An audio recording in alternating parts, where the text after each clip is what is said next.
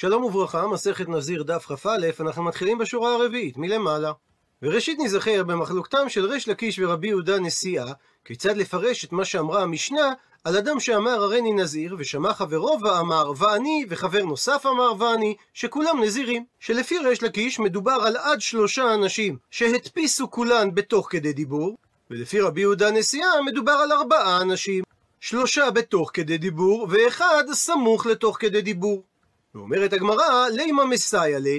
אולי נאמר שהמשנה שלנו מסייעת לדעתו של ריש לקיש, שהרי המשנה אמרה, מי שאמר הריני נזיר, ושמע חברו ואמר ואני, וחבר נוסף אמר ואני, ותו לא, ויותר המשנה לא מפרטת עוד אנשים שאמרו ואני. ומסביר התוספות שנוח לנו להבין את המשנה לשיטת ריש לקיש, שהסיבה שהמשנה אמרה רק שני פעמים ואני, כדי להשמיע לנו שגם האדם השני נתפס בראשון, שהוא עדיין תוך כדי דיבור אליו.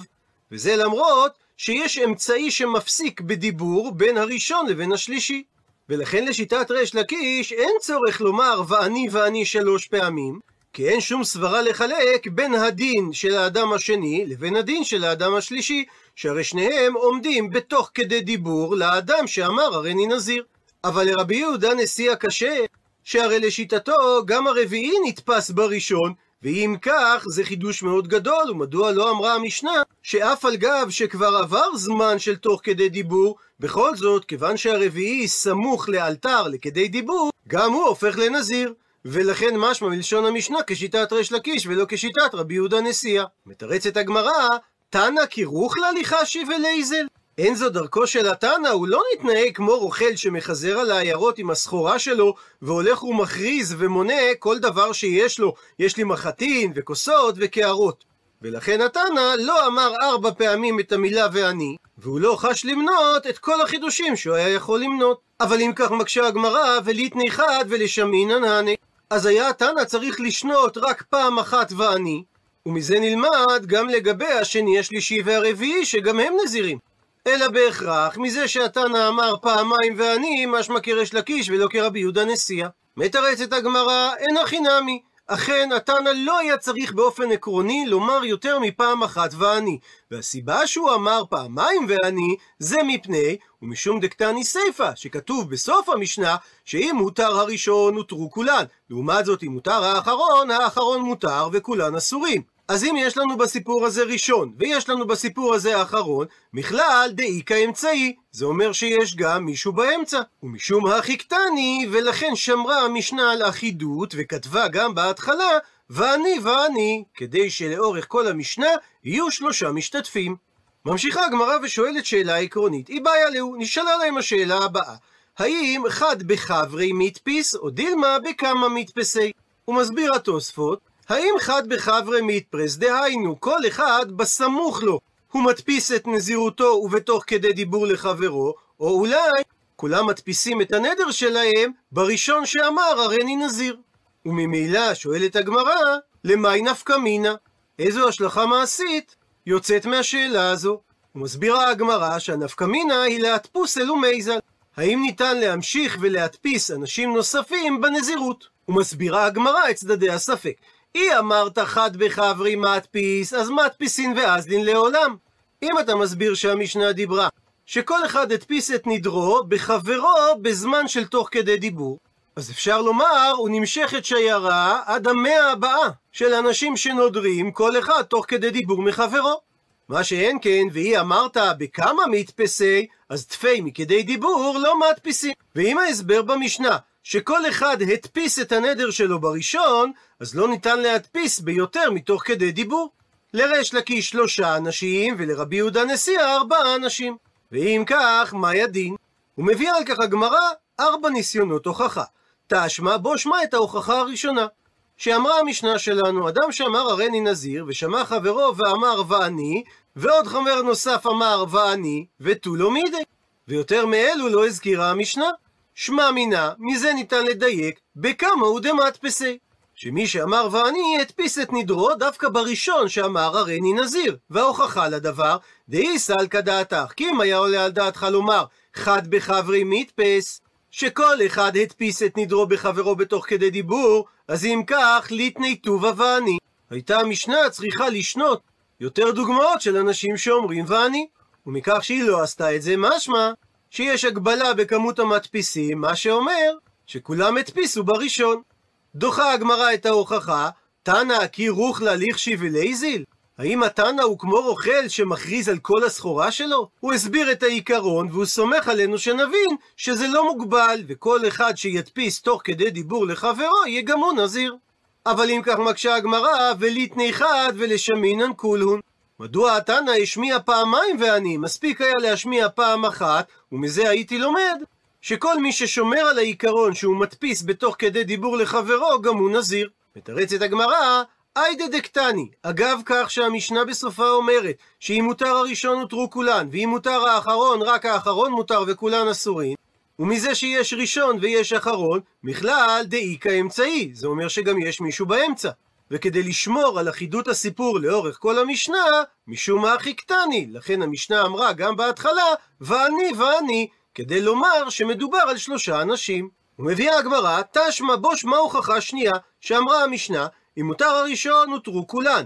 מדייקת הגמרא, ראשון הוא דשארו, דווקא כאשר הראשון הותר הותרו כולן. הא, אם האמצעי הוא זה שהותר נדרו, לא הותרו כולן. ואם כך, שמע מינה, מזה ניתן להסיק, בכמה מדפיסים. שרק אם נסביר את המשנה באופן כזה, שכל מי שאמר ואני הדפיס את נדרו בראשון, אז נכון לדייק ולומר שאם הותר הנדר של האמצעי, הנדר של האחרים עדיין קיים. מתרצת הגמרא, אי מלאך, ניתן להסביר שלעולם חד בחברי מדפיס.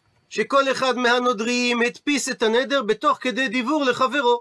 והסיבה שאמרה המשנה הותר הראשון זה בגלל ואיידה דבאי מיתנא הותרו כולן. כי רצתה המשנה להשמיע לנו את הדין שבו כל שרשרת הנודרים תהיה מותרת. וזו הסיבה שאמרה המשנה, הותר הראשון. דהי תנא אמצעי, כי אם היא הייתה מביאה את הדוגמה של האמצעי שהתיר את נדרו, במקרה כזה עדיין איכא יש את הראשון דלא משתרי, שהנדר שלו לא מותר בעקבות כך. משום אחי קטני ראשון, ולכן אמרה המשנה, את הדוגמה של הותר הראשון הותרו כולן, למרות שגם אם האמצעי היה מתיר את נדרו, כל מי שאחריו בשרשרת הנודרים, נדרו היה מותר. ומביאה הגמרא, תשמע בו שמה הוכחה שלישית, שהמשנה שלנו אמרה, במקרה שהותר האחרון, רק האחרון מותר וכולן אסורים. את הגמרא, זה מפני דלא איכא אחרינא בתרי, שאין עוד אדם אחרון אחרי האחרון, אבל אדם אמצעי דאיכא אחרינא בתרי, שיש אחרים שנדרו אחריו, משתרי. משמע שאם מותר נדרו, גם הנדר שלהם יהיה מותר. שמע מינה, ומכאן ניתן להסיק, חד בחברי מדפיס. שכל אחד הדפיס את נדרו תוך כדי דיבור לחברו, שהרי הדיוק הזה עומד בסתירה להסבר שכל המדפיסים הדפיסו את הנדר שלהם בראשון, שאז הדין היה שאם מותר האמצעי, הוא מותר בלבד וכל השאר אסורים. דוחה הגמרא, לעולם אי מלאך ניתן לומר שאכן כל הנודרים בכמה מדפיסים הדפיסו את נדריהם בראשון. ומאי אחרון דקטני? ומה הכוונה במילה אחרון שאמרה המשנה? הכוונה לאמצעי. והיידה דתנא ראשון, תנא אחרון. ואגב שנקט התנא את המילה ראשון, לכן הוא אמר שיחסית אליו כל אחד הוא אחרון. ודוגמה מובהקת לשימוש במילה אחרון כמילה יחסית, שכתוב וישם את השפחות ואת ילדיהן ראשונה, ואת לאה וילדיה אחרונים, ואת רחל ואת יוסף אחרונים. הרי שהמילה אחרונים לא משמשת כביטוי לאחרון בסדר, אלא באופן יחסי למי שקדם לו. ומביאה הגמרא תשמע בו שמע את ההוכחה הרביעית והאחרונה, דתניא בהדיא, שכך שנינו במפורש בברייתא. במקרה שהותר הראשון הותרו כולן, במקרה שהותר האחרון, האחרון מותר וכולן אסורין. במקרה שהותר אמצעי, המנו ולמטה מותר, המנו ולמעלה אסור. ואם כך שמע מינה, שבהכרח מדובר בברייתא, שמפרשת את המשנה, שחד בחברי מדפיס שמע מינה. שכל אחד הדפיס את הנדר שלו תוך כדי דיבור בנדר של חברו. ציטוט מהמשנה, הריני נזיר ושמע חברו ואמר פי כפיו, או שהוא אמר שערי כשערו. שגם חברו נזיר. מקשה הגמרא, משום דאמר פי כפיו ושערי כשערו הרי נזיר? הפכנו דף, ומקשה הגמרא ורמינו, קושייה ממקור תנאי, שהרי אמרה התוספתא שאדם שאמר ידי נזירה, או שאמר ורגלי נזירה, לא אמר כלום. לעומת זאת, אם הוא אמר ראשי נזירה, או שהוא אמר כבדי נזירה, במקרה כזה הרי זה נזיר. והסיבה, כי זה הכלל. שאם אדם הזכיר לגבי הנזירות דבר שהנשמה תלויה בו, הרי זה נזיר. ולפי זה, אפילו אם הוא אמר פי נזיר ושערי נזיר, לא חלה עליו נזירות, שהרי אין הנשמה תלויה בשיער או בפה. עונה על כך, אמר רב יהודה, מדובר במשנה, דאמר הכי שכך אמר הנודר, יעשה פי כפיו מיין, ואותו דבר, ויעשה שערי כשערו מלגוז. והואיל והוא הזכיר במפורש את איסור הנזירות, הוא נהיה נזיר, אפילו שהוא הזכיר איבר שהנשמה אינה תלויה בו. ציטוט מהמשנה, אישה שאמרה הריני נזירה ושמע בעלה ואמר ואני, הדין שהוא אינו יכול להפר את נדרה. ועל כך היא באה להו. נשאלה להם השאלה הבאה, האם בעל מי עקר עקר או דילמה מי גז גייז? האם כאשר הבעל מפר את הנדר של אשתו, הוא עוקר אותו מלכתחילה ומבטל את הנדר, או שהוא רק חותך ומבטל את הנדר מרגע ההפרה? ושואלת הגמרא, למאי נפקא מינה? איזה השלכה מעשית יש לשאלה זו? עונה הגמרא שהנפקא מינה היא לאישה שנדרה בנזיר, ושמעה חברתה ואמרה ואני. ואז, ושמע בעלה של ראשונה והפר לה את נדרה. אז היא אמרת שהבעל, כאשר הוא מפר את הנדר מעקר עקר, הוא עוקר את הנדר מלכתחילה, ההיא נמי השתרי. גם חברתה של האישה מותרת מנדר הנזירות. והיא אמרת שכאשר הבעל מפר את נדר אשתו מי גזגאית, הוא חותך ומבטל את הנדר מרגע ההפרה בלבד, היא השתרי, אז אשתו מאותו רגע הותרה מהנדר שלה, אבל חברתה אסירה, שהרי הוא לא ביטל את הנדר מעיקרו. זאת אומרת, אם כאשר הבעל מפר את נדר אשתו, הוא מי עקר עקר, הוא עוקר את הנדר מתחילתו, אז גם חברתה של האישה שאמרה ואני כמוה, מתברר למפרע שהיא אינה נזירה. אבל אם הבעל המפר את נדר אשתו מי גזגייז, הוא חותך ומבטל את הנדר מרגע ההפרה בלבד, אז כאשר חברתה אמרה ואני כמוה, היא אכן קיבלה על עצמה נזירות, וממילא נזירות החברה לא בטלה. ואם כך מסיימת הגמרא, מה יהיה הדין? ומביאה על כך הגמרא חמש ניסיונות הוכחה.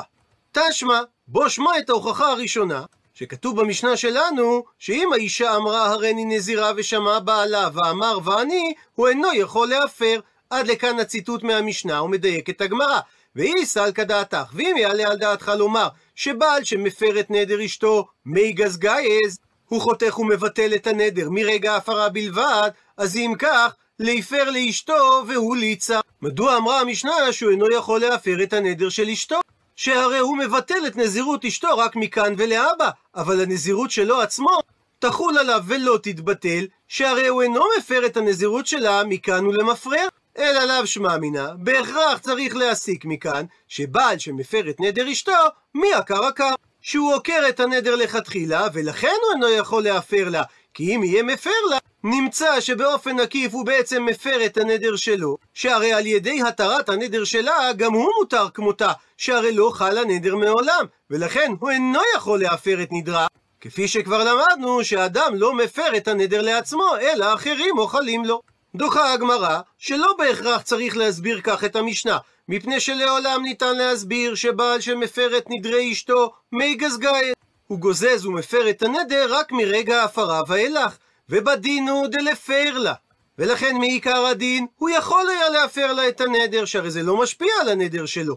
והיינו תמה דלא מעצי מפר, והסיבה שהמשנה אמרה שהוא לא מפר לה את הנדר, כיוון דאמר לה, אחרי שהיא אמרה הריני נזירה, ואני. ומשמעות דבריו, כמאן דאמר קיים לה יחידם, שזה דומה כאילו הוא אמר לה שהוא מקיים לה את הנדר שלה. כך שרק אם מיטשל ההקמתו מצי מפר, רק אם הוא יישאל על נדרו הוא יכול להפר את נדרו, והיא לא, ואם הוא לא נשאל על נדרו, לא מצי מפר, הוא לא יכול להפר את נדרו. וממשיכה הגמרא תשמע, בו שמע הוכחה שנייה, שכך אומרת המשנה בדף כ"ד: האישה שנדרה בנזיר והפרישה בעקבות כך את בהמתה עבור קורבנות הנזיר שהיא חייבת, שהם חטאת, עולה ושלמים, ואחר כך הפר לבעלה את נדרה. אז אם שלא הייתה הבהמה, פירוש שהיא הפרישה את הבהמה שהייתה שייכת לבעלה, במקרה כזה, תצא הבהמה ותראה בה עדר. כלומר שהבהמה היא חולין לכל דבר, שכיוון שהפר לבעלה את נדרה, הרי היא אינה צריכה לקורבנות נזיר, ולכן מה שהיא הפרישה את הבהמה לא תופס, שהרי הבעל מקנה לה רק דבר שצריך לה. ואם שלה הייתה הבהמה, כגון שהקנה לאדם אחר את הבהמה עבור נזירותה, ואמר לה בצורה מפורשת, על מנת שאין לבעלך רשות בבהמה זו. שאם לא כן, הרי כל מה שקנתה אישה קנה בעלה. במקרה כזה הדין שהחטאת תמות. הוא מסביר הראש שמפני שבעלה הפר לה את הנדר, אז זה כמו חטאת שנתכפרו בעליה. ויש הלכה למשה מסיני שאומרת שבהמה שיש בה קדושת חטאת ואי אפשר להקריב אותה, מניחים אותה עד שתמות מאליה. עד לכאן לשון המשנה ומדייקת הגמרא. והיא סלקא דעתך, ואם היה עולה על דעתך לומר שבעל שמפר את נדרי אשתו מי הקרקע, הוא עוקר את הנדר שלה מלכתחילה, אז אם כך הדין היה שטיפוק לחולין, שתצא הבהמה לחולין אפילו אם היא הייתה שייכת לאישה, שהרי הבעל עקר את הנדר מעיקרו, כך שלא חל הנדר מעולם, וזה כמו אדם שמפריש את בהמתו לנזירות ואחר כך הוא נשאל לחכם והתירו, שהדין שבהמתו יוצאת לחולין. אלא לאו שמע מינה, בהכרח צריך להסיק שהסיבה שאם הבהמה הייתה שלה היא לא יוצאת לחולין, אלא תמות, מפני שבעל שמפר את נדרי אשתו, מי גזגז. הוא גוזז ומפסיק את הנדר רק מרגע ההפרה בלבד. דוחה הגמרא לעולם מי מלאך. ניתן להסביר שאכן בעל שמפר את נדרי אשתו, מי עקר עקר? הוא עוקר את הנדר מלכתחילה. והיינו תמה, שאם הבהמה הייתה שלה, שבכל זאת היא צריכה למות, כיוון דלא צריכה כפרה, הבת כחטאת שמתו בעליה, וגמירה, ויש הלכה למשה מסיני שאומרת, דחטאת שמתו בעליה תמות. נסביר את הדברים על פי התוספות ריד. הלא הוא רבי ישעיה דיטרני, שנולד באיטליה, אך למד באשכנז, בישיבתו של רב שמחה משפיירה, לצידו של רבי יצחק מווינה בעל האור זרוע, עמו הוא המשיך ועמד בקשרי התכתבות, גם לאחר שהוא חזר לאיטליה. כשהוא למד באשכנז, הוא הושפע רבות משיטת הלימוד של בעלי התוספות. כאשר הוא חזר לאיטליה, הוא הפך לאישיות התורנית המרכזית באזור כולו, וגם מחוצה לו הוא קיבל שאלות. הוא הרבה לנוע ברחבי הארץ ומחוצה לה, ובין היתר היה בוונציה, קושטא, אלכסנדריה, ואף עלה פעמיים לרגל לארץ ישראל. גדולתו נודעה גם ממרחק הדורות, עד שהמהר"ם מרוטנבורג משווה אותו לגדולי הראשונים וכותב, ובכלל מי ירים ראשו וליבו על גאוני עולם הללו, המאור הגדול רבנו גרשום, והגאונים רבנו אלפס והרמב"ם, ורבנו ישעיה מטרני, ואל יטעה שום אדם לחלוק עמהם, שום חסר לב. וכך מסביר התוספות ריד, בוודאי מדין תורה, כיוון שהתברר למפרע שבשעה שהאישה הפרישה את הבהמה היא לא הייתה נזירה, ודאי שהבהמה היא חולין גמורים. אלא מדי רבנן אסרו את הבהמה, בגלל שמי שרואה את הבהמה כאשר האישה הפרישה אותה, הוא סובר כי חלה על הבהמה קדושה. ועכשיו הוא חושב, מפני שהבעל הפר לה את הנדר, הבהמה יצאה לחולין. לכן יאמר הרואה שכל חטאת שמתו בעליה, כך שהבעלים לא צריך כפרה, או שנתכפרו בעליה, אז הבהמה היא חולין. אבל הוא לא ידע שבמקרה הנוכחי בלבד מדובר שהבעל עקר למפרע את נדר הנזירות. ולכן הבהמה היא ויכול להיגרם מזה מכשול, ולכן אמרו רבנן שתמות הבהמה, ועל פי זה אומר התוספות ריד, כך יהיה גם הדין לגבי קורבן עולה ושלמים, שהפרישה אותה אישה, שהם קרבים ולא יוצאים לחולים מדי רבנן. ומביאה הגמרא תשמע בו שמע הוכחה שלישית, מהמשנה בדף כ"ג שאומרת, האישה שנדרה בנזיר, ולמרות זאת והייתה שותה יין או ומטמאה למתים, הדין שהרי זו סופגת את הארבעים. עד לכאן ציטוט המשנה, ושואלת הגמרא, איך היא דמי? על איזה מציאות דיברה המשנה? אילם, האם מדובר דלא הפר לה הבעל את הנדר שלה? האם צריכה למימה? האם צריך לומר שהיא לוקה על זה שהיא עוברת על הנזירות שלה? הרי זה דין פשוט. אלא פשיטא שהמשנה מדברת במקרה דהפר לה הבעל את נדרה. אחר שהיא נטמעה, או אחר שהיא שתתה את היין, ואמרה המשנה שהיא לוקה. והיא סלקא דעתך, ואם היה עולה על דעתך לומר שבעל שמפר את נדרי אשתו, מי עקר הוא עוקר את הנדר מלכתחילה, אז אם כך, אמה היא סופגת ארבעים. מדוע היא סופגת מלקות? הרי בשעה שהיא שתתה את היין, או נטמעה למתים, היא לא הייתה נזירה. אלא לאו שמע מינה, בהכרח צריך להבין מהמשנה, שבעל שמפר את נדרי אשתו, מי גזגאי. הוא גוזז ומפסיק את נדר הנזירות שלה, רק משעת הפרת הנדר, מה שאומר שבאותה שעה שהיא שתתה יין או נטמעה למתים, היא אכן הייתה נזירה, ולכן הדין שהיא לוקה. דוחה הגמרא, לעולם אין מלאך ניתן להסביר שבעל שמפר את נדרי אשתו, מי עקר עקר. הוא אכן עוקר את הנדר מלכתחילה. והמשנה שאמרה שהאישה סופגת את הארבעים בגלל שהיא שתתה יין או נטמעה למתים, מדברת על מציאות שהבעל לא הפר את נדר הנזירות של אשתו. והסיבה שהמשנה הביאה את המקרה הפשוט הזה שאין בו חידוש, זה רק ומשום דקתני סיפא, כהקדמה למה שכתוב בסוף המשנה, שאם הפר לבעלה והיא לא ידעה והייתה שותה יין או ומטמאה למתים, במקרה כזה היא אינה סופגת את הארבעים. מפני שבשעה שהיא שתתה או נטמעה, היא בעצם לא הייתה נזירה. ואת הדין הזה שנתה המשנה, בניגוד לדעתו של רבי יהודה שמובאת שם בהמשך, שאמר שאפילו אם הפר לה הבעל את נדרה ואחר כך היא שתתה, היא סופגת מכת מרדות, כיוון שהיא עצמה לאיסור התכוונה. הפכנו דף, תנא נמי רישא, ולכן שנה התנא ברישא של המשנה, את הדין הפשוט, בו הבעל לא הפר לה את הנדר, ולכן היא סופגת מלקות, כהקדמה למקרה שהוא מביא בסיפא. עד לכאן דף כ"א.